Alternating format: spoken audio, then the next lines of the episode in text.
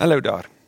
Ons begin vandag met 'n nuwe reeks uit Jakobus uit en ons ons reeks se titel is Wat op aarde wil Jakobus vir vir ons sê?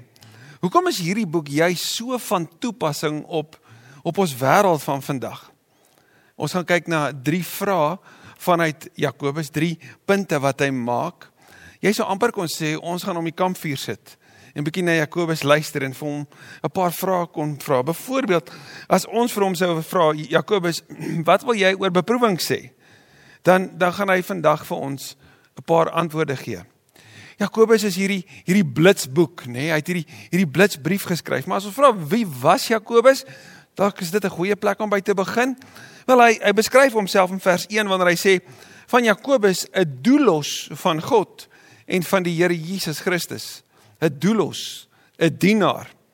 Maar maar Jakobus, jy was tog nie dit nie. Jy was die die leier van die kerk in in Jerusalem. Jy sê kon sê van Jakobus, een van die drie pilare van die kerk. Hy doen nie dit nie.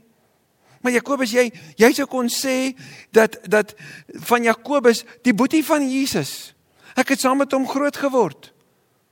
Maar hy doen nie dit nie. Jy sou kon sê Jakobus, die man bekend as kameelknie. Want sien toe Jakobus gesterf het, toe toe vind hulle toe hulle hom neem na na sy graf toe. Toe trek sy jurk op nadat hy wreed gestenig is.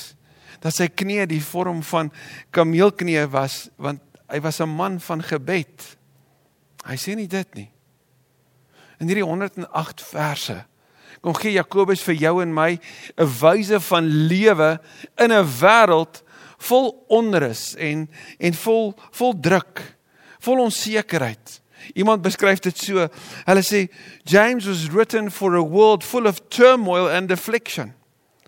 Dit klink nog as ons wêreld, nie waar nie? As Jakobus in in daardie tyd hardloopskoene gehad het, dan sou hy gesê het: "Man, dit is soos een van daai bekende handelsmerke. Just do it this way." Hoe leef jy geloof? Just do it. Doen dit net.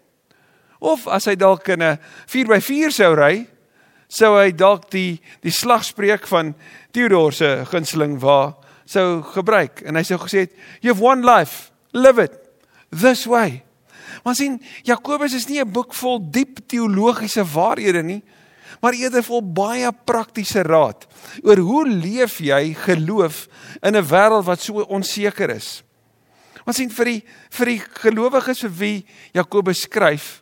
Hy hy noem hulle aan die uitverkore mense aan aan die verspreide mense, hulle wat oor die wêreld versprei is. Die 12 stamme in die diaspora.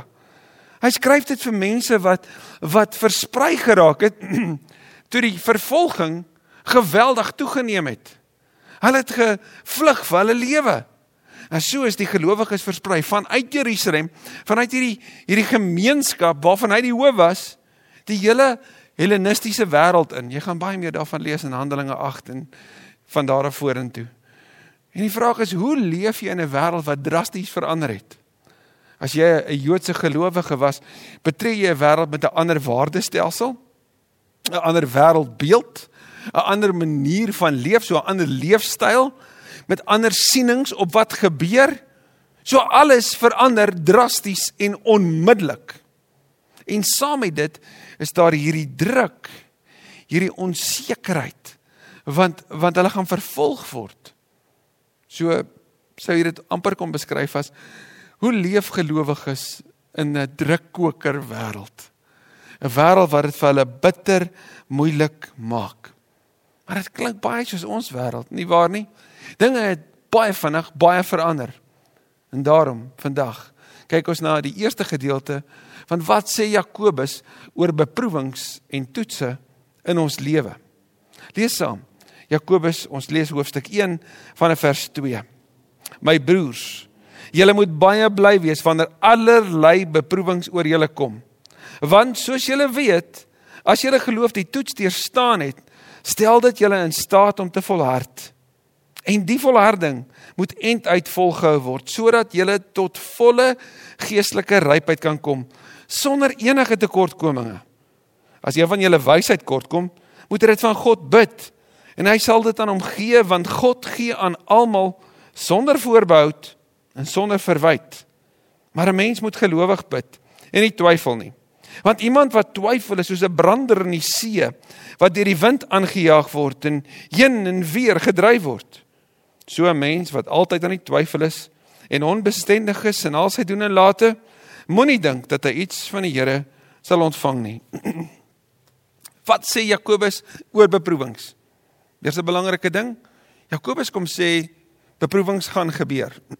Hy sê jy kan dit verwag. Wat gaan vandag gebeur? Jy weet nie. Een ding wat jy kan weet is dit gaan kom. En dit help ons met ons perspektief want wanneer dit kom, dan vang dit jou nie onkant nie. En dit help met die impak daarvan. Rick Warren sal praat van 'n faith that is not troubled by troubles. A faith that is not troubled by troubles. Hierdie woord wanneer help vir jou en my om om te leef met 'n lewe van wanneer dit gebeur, dan besef ek dit. So ek is paraat bewus. Ek weet dit wat hier gebeur. Ekskuus tog. Dit wat hier gebeur is nie hier om my onkant te vang nie. Dis hier om my te toets. Die Bybel sê dit gaan gebeur en nie gebeur dit. So kom ek leef daarmee. Kom ek hanteer dit. Dan gaan Jakobus verder en en hy deel vir ons waarhede oor toetse en beproewings wat ek en jy saam met ons kan vat vorentoe. Eerste wat hy vir ons sê is toetse en beproewings is 'n gegewe. Dit gaan gebeur. sien toetse en beproewings is nodig vir die gradeplegtigheid van geloof. Dit gaan gebeur en ek en jy moet dit verwag. Die belangrike wel is wanneer dit kom by versoekings, sê vers 13 dat Jakobus vir ons sê maar onthou God versoek nie. Nou gebruik hy die woord van van toetskryf en van merk. En Jakobus sê dat dat die Here nie die een is wat die versoekings bring nie, maar hy's die een wat die toets merk. So hy kyk na hoe ek toetse hanteer. As Jakobus vir ons kom sê maar toetse en beproewings gaan in elk geval in hierdie wêreld gebeur, gaan in elk geval in jou lewe kom, dan kan ek en jy sê maar maar ek hoef nie meer te vra hoekom nie, want hy antwoord dit dadelik. Miskien is dit goed dan om te sê dit help my om te beweeg van 'n why na 'n wow. Hoor mooi, van 'n why na 'n wow. Want die hoekom van die van die toetse en die hoekom van die beproewings is wat ons baie keer lam lê. Ons ons hart loop so in 'n sirkel en ons kom nie uit dit uit nie. Hoekom het hierdie met my gebeur? Waarom het dit gebeur? Het ek iets verkeerd gedoen? Gewoonlik daai daai daai Job worsteling. En dan sê Jakobus maar jy moet bly wees wanneer dit gebeur en dan gee hy vir ons redes. So so hy sê dit gaan gebeur. Onthou Jesus het in Johannes 16:33 gesê in hierdie wêreld gaan julle dit moeilik hê. So dat die Bybel is nie stil oor moeilikheid nie. Die Bybel kom verkoop ons nie hierdie hierdie hierdie wêreld of hierdie illusie dat dat geloof is hierdie knus maklike gemaklike wêreld waarin jy kan gaan wegkruip nie. amper te ontsnap nie. Sekere woordjies sê en dan leef jy in 'n nuwe realiteit nie. Nee. As 'n gelowige sê die Bybel, gaan dit vir jou moeilik wees. Maar die Bybel gee vir ons 'n manier om dit te hanteer. Jakobus gee vir ons 'n manier.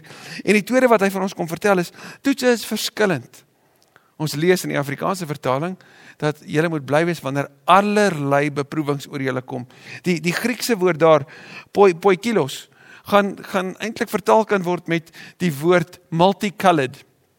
So dit kom op verskillende maniere op verskillende tye in verskillende fases van jou lewe en dit gaan kom.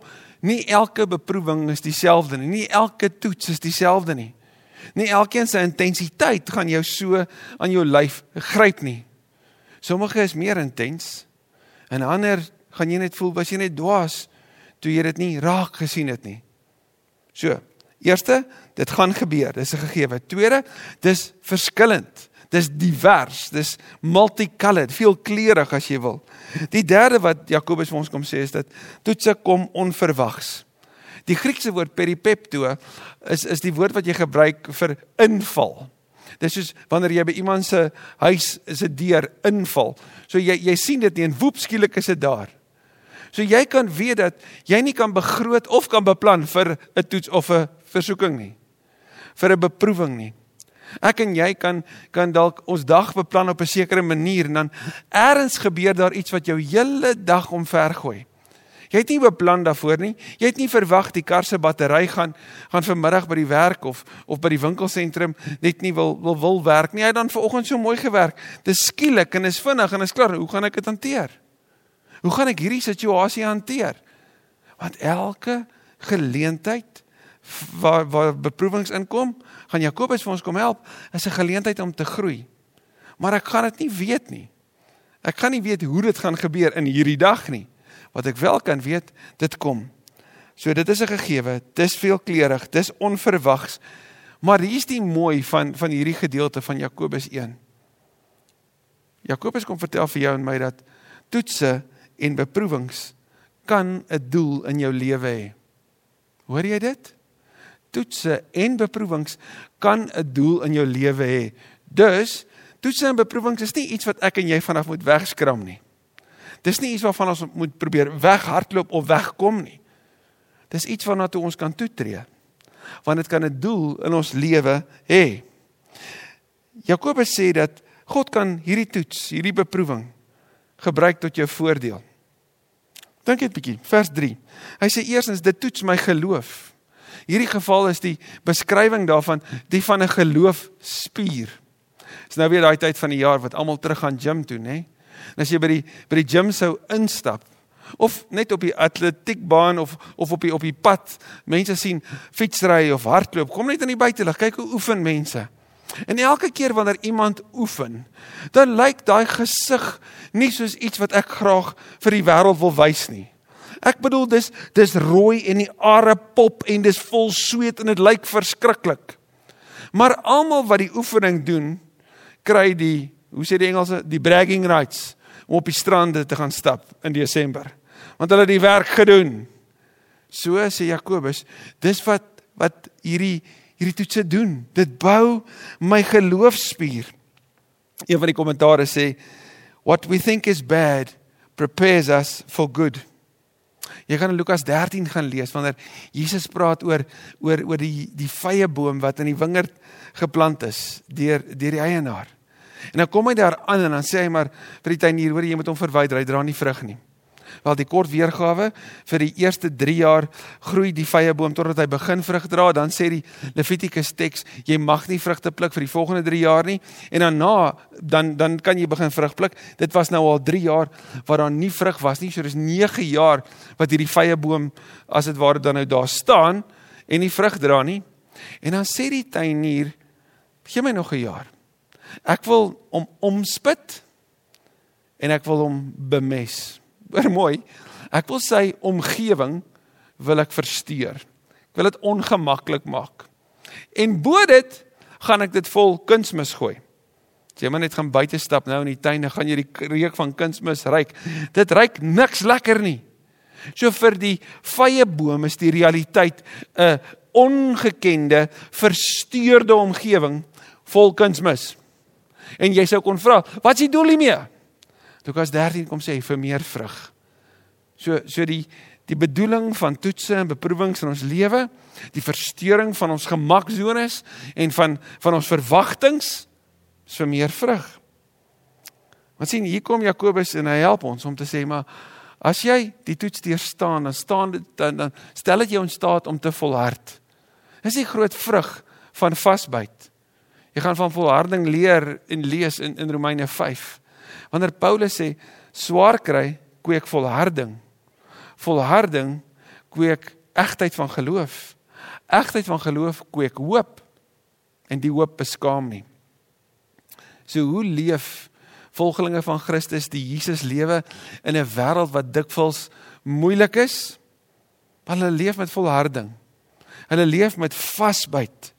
Daar's 'n toets gedoen met met met diere wat wat in 'n gemaksone groot word in 'n veilige area soos soos 'n dieretuin en dan diere wat in die gewone is 'n russiese toets in die gewone gang van die lewe groot word. En dan word hulle blootgestel aan dieselfde tipe virusse.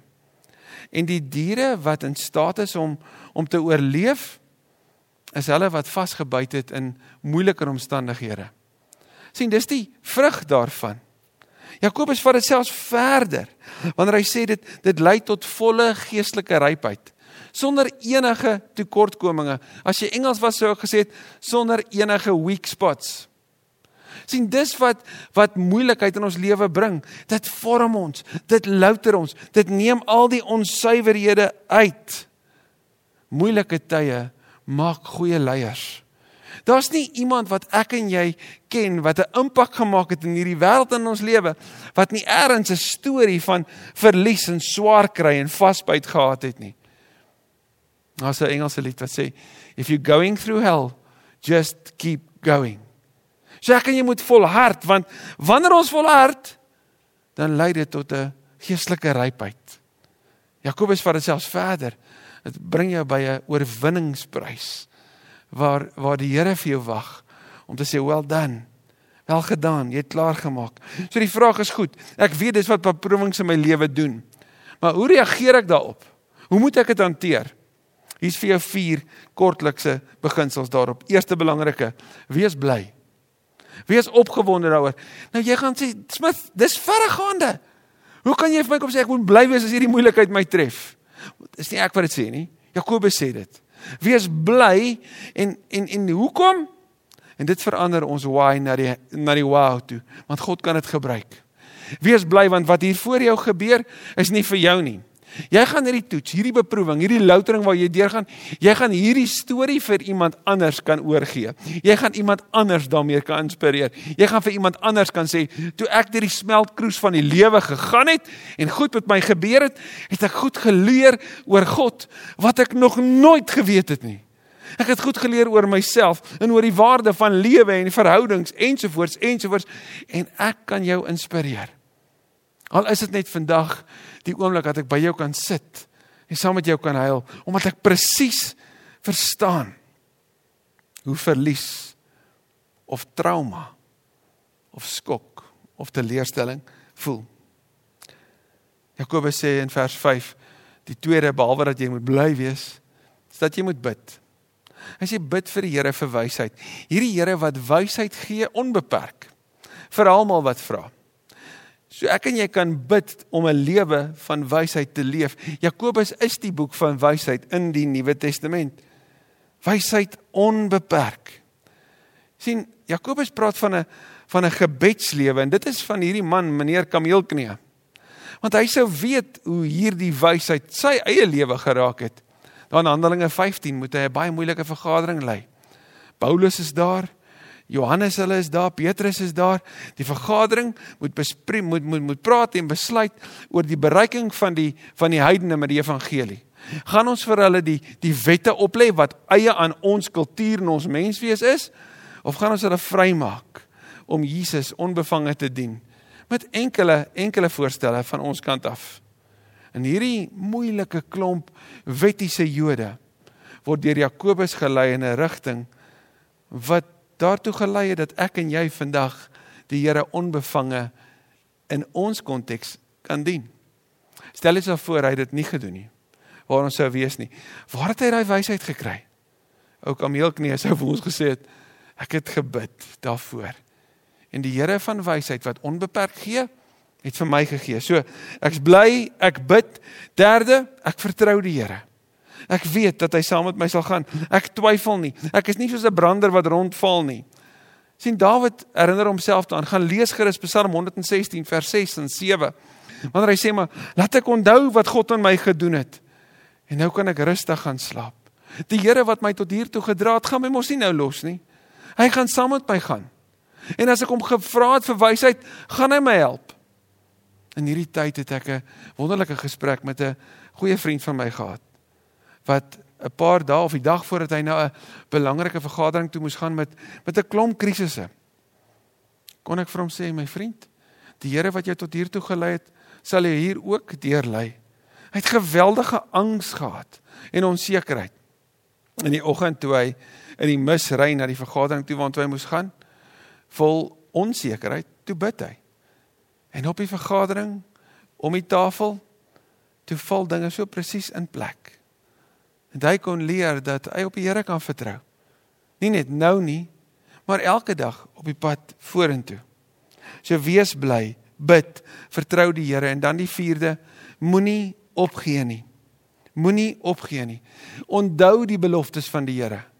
Hoor die skare getuies van Hebreërs 12.